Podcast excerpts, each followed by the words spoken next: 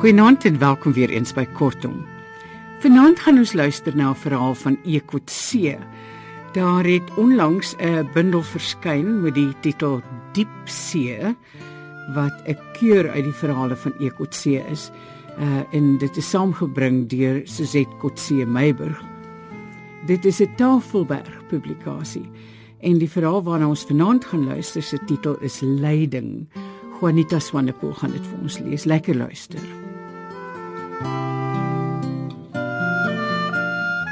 Tydens die begrafnis en ook heelwat later het Stien nog genoeg te sê gehad oor hoe onvoorbereid Koetie was.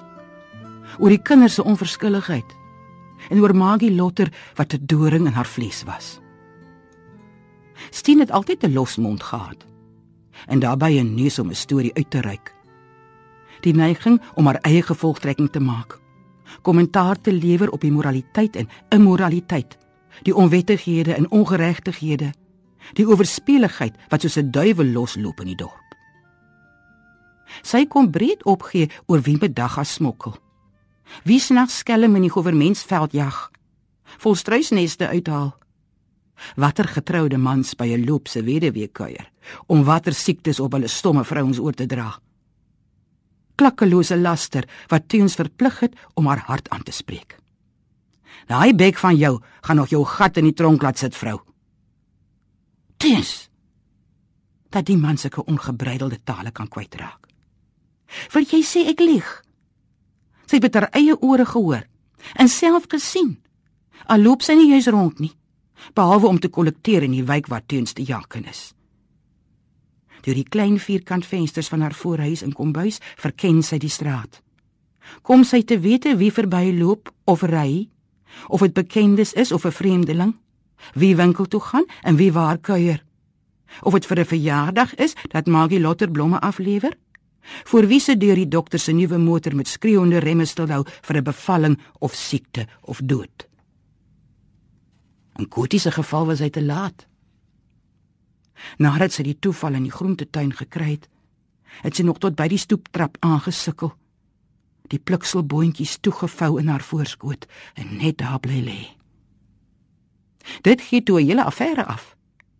Die kinders kon hom nie dadelik in die hande kry nie. Skoolvakansie. Soos hoenderkuikens wat losloop, moes hulle bymekaar gemaak word. Daar's ten einde raad oor die draadloos uitgesaai. Een was in Johannesburg, die ander in Durban. Klein Koos op jag in Namibië. Oral behalwe om 'n slag te kom kyk hoe dit met hulle ma gaan. Daarvoor is oompie Teuns en tannie Stien mos daar. Omdat Koetie nooit baie netjies was nie en eerder doenig met die tuin en lewende goed, moes Stien die huis inderhaas regtrek. Gelukkig was die koei lankal van kant gemaak en het die munisipaliteit varke in die agterplaas verbied sodat daar net 'n paar hoenders was. In die kinders se afwesigheid het daarmee die begrafnisreëlings 'n misverstand gekom. As steens nie vooruitbetaal het nie, was daar byna nie 'n gat nie. Koetie het wel geld gehad. 'n Glaspot vol eiergeld op die spensrak en koeverte met banknote, party so oud en groot soos kooilakens, onder linoleums en agter portrette weggebêre. Koetie het mos nie 'n bank vertrou nie. Stine daarop afgekom toe sy uitvee en afstof maar aan niks geraak nie om nie later beskuldig te word nie. Of die kinders met tensel afreken, moet hulle nog sien. Gelukkig kon sy die ondernemer wys waar die doodsgenootskap boekie is. En is sy wat gesorg het dat die mense wat van ver af kom iets te eet te kry. Vleisbolletjies en gekookte eiers. amper meer en beter as destyds toe klein Koos met Maggie Lotter se dogter getroud is. Waar die eetgoedjies nie groter as haar duim se kop was nie en die mense honger daar weg is. So 'n deurmekaar begrafnis begeer sy nie, het sy verteens gesê. Die drie jongetjies kinders was amper laat vir die kerk. Klein Koos het die diens gemis, maar daarom die graf gehaal. Die dominee het skaars amen gesê. Hulle het nog gesing. Toe maak die drie hulle uit die voete. Ore in die nek huis toe. Seker om die testament onder oë te kry. As hulle gevra het, kon Steen hulle gesê het dis saam met die poliskontrakte in die boonste laai van die sideboard. Die sleutel was in haar sak. Hulle moes maar mooietjies wag tot teens hulle eendag die graf toegegooi het. Anders het die vandag nog waarwyd opgestaan. Want nie een van die drie het daaraan gedink om hulle ma toe te gooi nie. Dit het Stine 'n dag gevat om die stof uit teens se kerkpak te borsel. Waaroor Stine kom kom nie. Is dat die skoondogter, Mersha van Magie Lotter, so onstigtelik aangetrek was. 'n Bont skeurtjie en onderbaadjie sommer gewone huisdrag. Geen respek nie. Kan jy my sien? Stien, wat 'n aangenaaide lap is en nie aldag goed doen in die oë van die familie nie, het ligrou gedra. Dat sy teuns nie tot skande kan wees nie. Die rompie van die swart en wit pakkie is aan die knap kant sodat dit opkruip oor haar knieë en sy moes bly aftrek. Toe teuns voor al die mense vra: "Hy Stien, wat het jy tog weer vandag aan?" het sy nie gewys hoe sleg sy voel nie. Teens is nie aldag 'n maklike man nie. Haastig en kort van draad. Sodat sy nie altyd verstaan wat hy wil hê nie. Dan sê hy sy is dom. Maar sy is nie. Die dinge wat haar ma haar geleer het, wat 'n meisie moet weet voor sy man vat, kom sy getrou na. Haar plig is in haar huis en haar plesier soek sy in haar slaapkamer. Eers nadat alles verby was daai dag, het sy haar gaan toesluit en uithuil. Nie net oor Koetie nie, maar die kinders wat hulle ma se huis, jy kan maar sê, leeg geplunder het. Sonder om aan te dink wie vir almal reg gestaan het, sonder om te sê, "De Antistien, hier is 'n ou vatdoek van oorlede ma." Of vat jy die roosboom vir jou? Jy het hom nat gedra. Ons gaan die huis met alles daarin op fundisie sit, hy gaan net verwaarloos. Nee. Hulle het dit uitgehaal. Solank ander mense blomme op hulle ma se graf pak, het hulle 'n graaf gevat en die boom uitgespit en gaan oorplant in Magie Lotter se tuin. Magie wat reeds soveel rose het. Hulle sê meer as 100 in die holte onderkant haar huis waar die wind dit nie kan bykom nie. Dit was een van daardie ou tydse pink rosies wat so lekker ruik. Wat die ou mense destyds in die begrafplaas geplant het wat Koetie van die plaas af gebring het, waarvan sy nog altyd 'n steggie wou vra. As teens het 'n bietjie goeie grond wou indra. Hulle het seker gedink sy sal hom stilletjies kom vat, omdat hulle self agter die deur staan. Sy weet ook wie daar agter sit. Die ou lelike meisiekind van Magie Lotter wat kamsag so erg oor Koetie was. Al was dit 'n manier klein koos na wie sy gejag het. Maar anders het sy 'n man gekry as hy haar nie gevat het nie. En hy was agter die geld wat ou Lotter hom voorgeskiet het om 'n praktyk te koop. Lotter het ook maar sy ou lap uit die fabriek gesteel en sy groot huis laat bou met materiaal wat hy snags uit die stoorkamers aangery het. Iets wat toegesmeer is omdat daar 'n ding tussen die groot baas en Magie was. So sê die mense wat weet wat daar na donker agter die hoë se deure aangaan. Op en bloot vir almal was die werksmense van die fabriek wat bosse uitgekap het in die vragte grond wat die fabrieklorry kom tipe het vir die roostuin. Weke later top sy nog oor die breekgoed waarvan die helfte teens na regte toe gekom het. Omdat sy destyds toe sy ma se goed uitgedeel is, te eergevoelig was om te vra. Moes sy tevrede wees met die ou houtkarring in 'n waterketel. Die Bybel sê mens mag nie begeer nie. Maar sy wou altyd so graag daai groen bak met die hoenderhen op die deksel gehad het. Die is sy nou vir goed kwyt.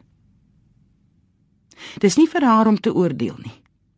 Koet het altyd gesê sy kan nie saam praat nie, sy het nie kinders nie. Maar sy sou haar anders groot gemaak het. Hulle ten minste geleer het om dankie te sê vir die mense wat help betaal het om hulle geleer te kry. Sy weet wat teens agteraf in klein koes gestop het, wat soos 'n haans kuiken in hulle huis was. Vandag het die lotters hom ingepalm. Nou die maakie is 'n lustige entjie mens. Stien het van altyd af dwars deur haar gesien. Jy moet wakker wees vir Satan, het ma altyd gewaarsku. Hy kom in die gedaante van 'n engel. Die ene vriendelikheid het sy konflik vloei dat Stien by die tuinbouvereniging moet aansluit. Sy het sulke interessante plante. Die kromnekkalpassies en fadoekplant, die swart varkiesblaarblom en donkerrooi teebos. Maar sy's nie Koetie wat haar laat verblind het nie. Hulle kry nie my houtkarring en kalbasse vir droë rangskikkings nie. En 'n ander ding moet hulle mooi verstaan. Teuns van Niekerk is haar man. Hulle hou hulle hande van hom af. Teuns het net gelag. Vrou, waarvan praat jy? Ek is 'n eenvoudige ambagsman. Die vrou wou net hê dat ek 'n staander van krulyster vir die tentoonstelling swys. Wie sal nou omkyk as hy blou oorpak? En wat gaan sy so aan oor gekraakte ou breekgoed? Het sy nie genoeg van haar eie nie? En wat Koetie betref, los haar tog met rus. Wees eerder dankbaar dit was nie 'n beroerte nie, dat sy nie verlam was en 'n las vir ander geword het nie. Dat sy 'n lang lyding gespaar is. So het Teens gesê. Aan die een kant is dit seker so, maar sy weet darm nie. Vir haar was dit net te skielik. So onkant wil sy nie gevang word nie. Koetie se koei was nie eens opgemaak of die pot uitgegooi nie. Nee, sy tyd nodig. Sy wil haar behoorlik voorberei. 'n Mens het tog 'n siel. Al beteken dit ook 'n lang siekbed, wil ek liewer my lyding hê. Sy sê plegtig teenoor Teens. Sy's godvreesend grootgemaak en dit haar ouers geëer. Sy praat nie lelik nie en maak haar nie skuldig aan allerlei sondighede nie. Dat haar siel nie eendag in die hel sal brand nie daardie ewige poel van vuur en swaal wat sy bo alles vrees. Nogtans bly die dal van doodskade weer vir haar verskrikking. Sy wonder wat deur Kotie se gedagtes gegaan het toe haar kop begin duisel. Haar bene pad gee en sy in mekaar sak. Dat sy vir haar bril en tande moet keer en dat 'n heup nie breek nie. Was daar ooit tyd vir 'n gedagte aan 'n opgetrekte rok? Die arge ou spat arbeen. Was alles verby sonder dat sy besef het dis nou die dood die. 'n Mens verwag mos nie so iets nie. Jy dink altyd dit kan nie met jou gebeur nie. Jou tyd is nog nie daar nie. Jy is nie siek nie. En dan is alles plotseling verby. Voorheen het Stina nie aan pyne en kwale gesteur nie. Wanneer sy in teunste ryk geëet het, het sy die galaanval weggedokter met als uit die tuin of sy die huisapteek nader gesleep. Maar nou het daar 'n ding aan haar begin knaag. Sy het nooit gekla nie. Maar sy loop al lank met die ou arm in rug en 'n pyn agter die blad wat erger geword het met die gewerskaf in Koetie se huis. En toe sy in die voorjaar haar eie solders was 'n mure verf, kan sy dit skielik nie meer hou nie. Reumatiek, sê die dokter half ongeërg.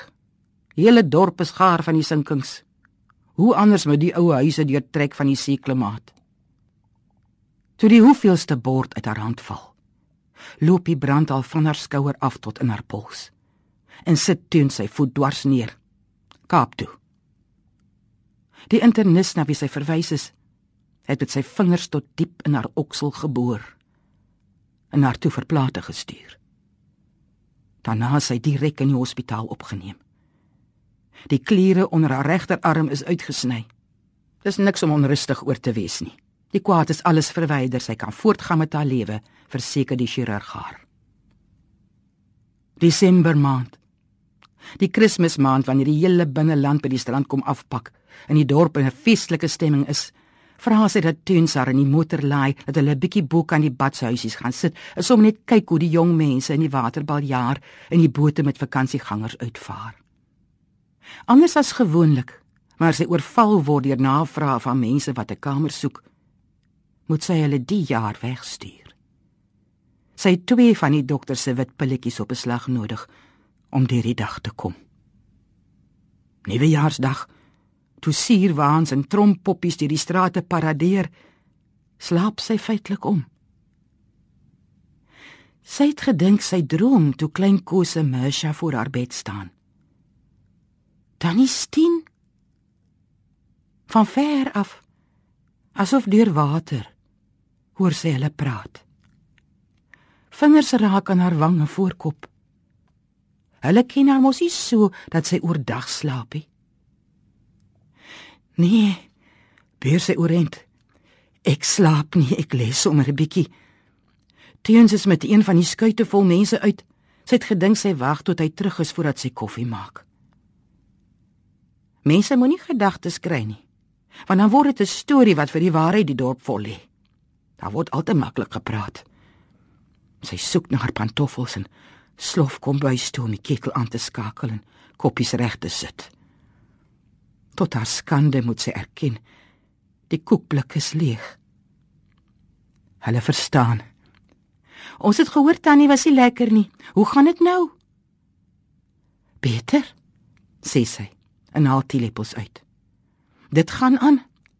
Die dokter wil my eers oor 'n jaar weer sien. Daar's niks om bekommerd oor te wees nie. Dis goeie nuus.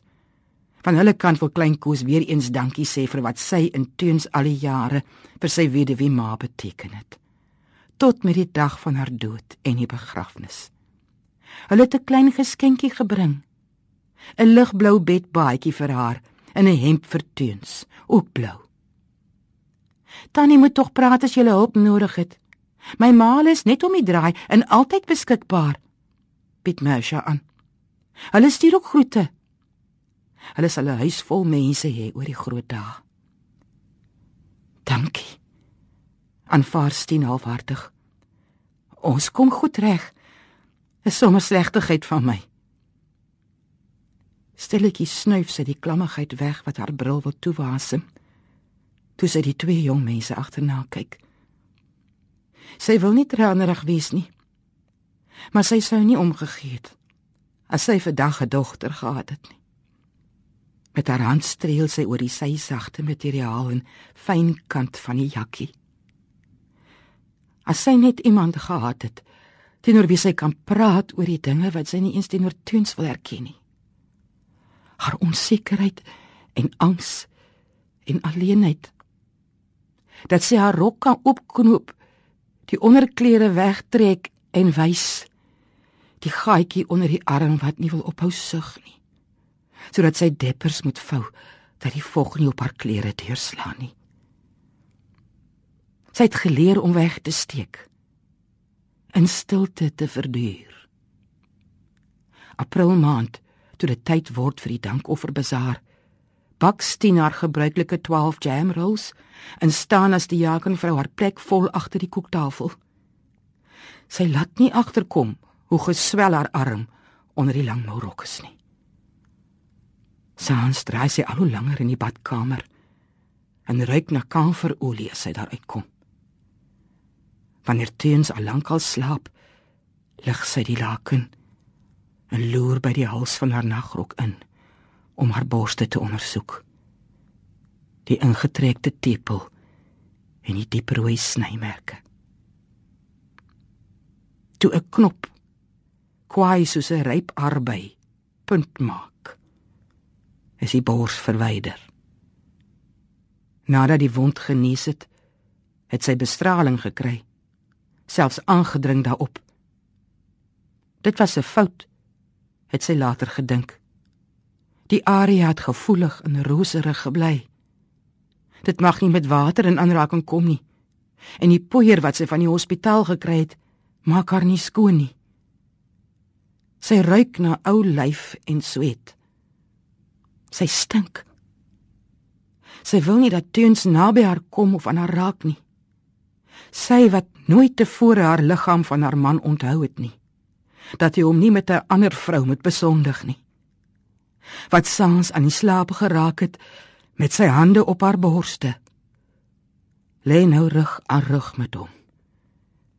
Die dik, harde weefsel is selfs vir haar aanstootlik. Wanneer sy bedags alleen is, maak die duiwel haar allerlei dinge wys. Wat moet van teens word as sy wegval? Hy is nie onbekwaam nie en kan huishou.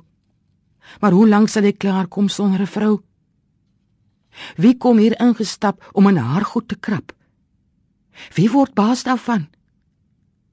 Jare lank het sy gespaar en afbetaal aan 'n eetservies, teestel, glase, ornamente en prente.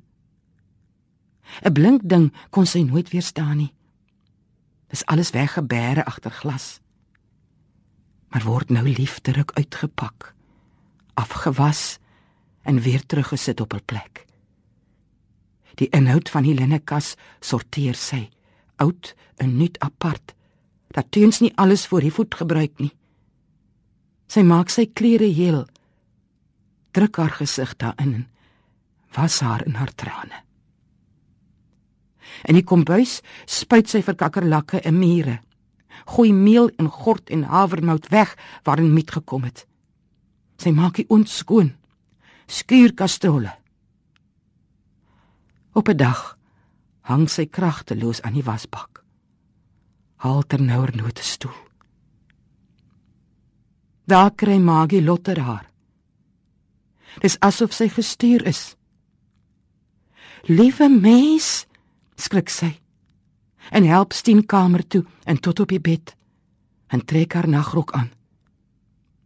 Sy mik elke oggend om vir Tiens te vra as hy verbyloop werk toe. Maar het nooit besef nie. Niemand het regtig geweet wat die toestand is nie. Stien se siekte het tot dusver nie 'n naam gehad nie. Selfs teenoor haarself wou sy dit nie erken nie. Die woord is te vreeslik om uit te spreek. 'n Doodsvonnis die oomblik dat dit uitgesê is. Moeg is die naaste wat sy daaraan gekom het. Te moeg om haar arms op te lig, om wasgoed op te hang. Wanneer laas het sy haar witgoed in die blykhok oopgetrek? Nou is sy net neus en oë. Sy kan nie langer wegsteek nie. En wil ook nie. Sy moet dit van haar hart afkry. Teen Magie Lotter beken sy daardie oggend. O Magie, ek so siek. Die kanker het my beet. Dit maak my klaar. Dit brand. Dit is soos vuur. Dit is erger as vuur. Dit is hel. Sy vergaan van die pyn.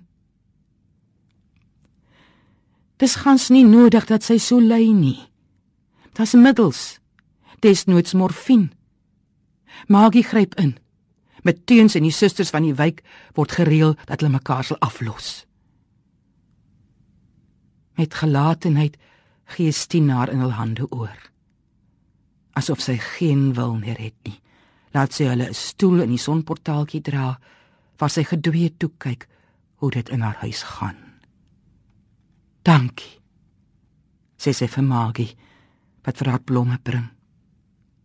Kort steelrose waarvan die doring sorgvuldig afgeknip is gerangskik in 'n ronde pensglaspot met blomkos in die water sodat dit langer kan hou. Hulle ruik so lekker. Haar eie tuintjie het heeltemal tot niet gegaan. Behalwe 'n paar sonneblomme en die perspapierblommetjies wat van die begrafplaas af oorgewaai het. Ek wou altyd so graag jou roostuin gesien het die ou tydse rose met die dubbele krone waarvan die geur op sekere dae tot in die onderdorp hang. Maar loop sou sy nooit tot daar nie. En Sondagmiddag, wanneer Tien se entjie met haar gaan ry, het hulle altyd 'n ander koers gekies. Een van die mooi weersdae maak ons 'n plan, beloof Magie. En nog voor die snoeityd, voordat Tien te swak was, het Lara in die motor gelaai sodat sy die laaste drag kon sien. Dit was my een groot begeerte om daardie pink rosie van Koetie weer te sien blom. Jy het hom mooi opgepas. Sy het magiese hand in hare geneem en moeg teen die kussings teruggesak. Ek wil hê jy moet die houtkarring vir jou vat. So is die goed en kwaad toe teen mekaar uitgebaklei. Soos die seep wat Kotie altyd gekook het, toe die seepot vol goor vet waarby seepsoda gefokus om dit te laat skei, sodat die onsuiverheid boordryf en die skuim afgeskep kan word wanneer dit afkoel en die spierwit stene eindelik uitgelig word. Steen het nie beter geword nie. Sy het nie meer voor die venster gestaan om die verkeer in die straat op te hou nie. Seedou het die ruitte toegemis sodat daar niks meer van die wêreld daar buite te onderskei was nie. Dit het ook nie meer saak gemaak nie. Sy het daar vrede mee gehad. Mesal het sy opgekrul gelê op haar gesonde sy met haar hande saamgevou onder haar wang. Die mond wat eers vol was, 'n smal bleekstreepie. Mense wat haar kom besoek het, het stil na haar gekyk en omgedraai. Dit was nie meer die ou Stien nie. Sy is een nag in haar slaap dood. So stil het sy gegaan dat Teuns wat langs haar gelê het, dit eers merk toe hy die oggend oor haar buik. Deur die oop venster het die koel seelig ingestoot. En die dun gordyne het sag soos 'n verdampte asem geroer.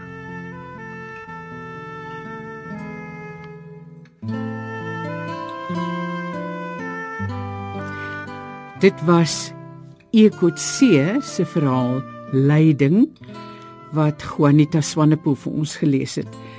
Die verhaal kom voor in 'n nuwe versamelbundel uh, wat Tafelberg noem Diep See, 'n keur uit die verhale van Ekotse wat saamgebring is deur Suzette Kotse Meiburg. Van my, Margot Luit, alles van die aller aller allerbeste. Tot volgende keer. Mag dit met ons almal goed gaan. Totsiens.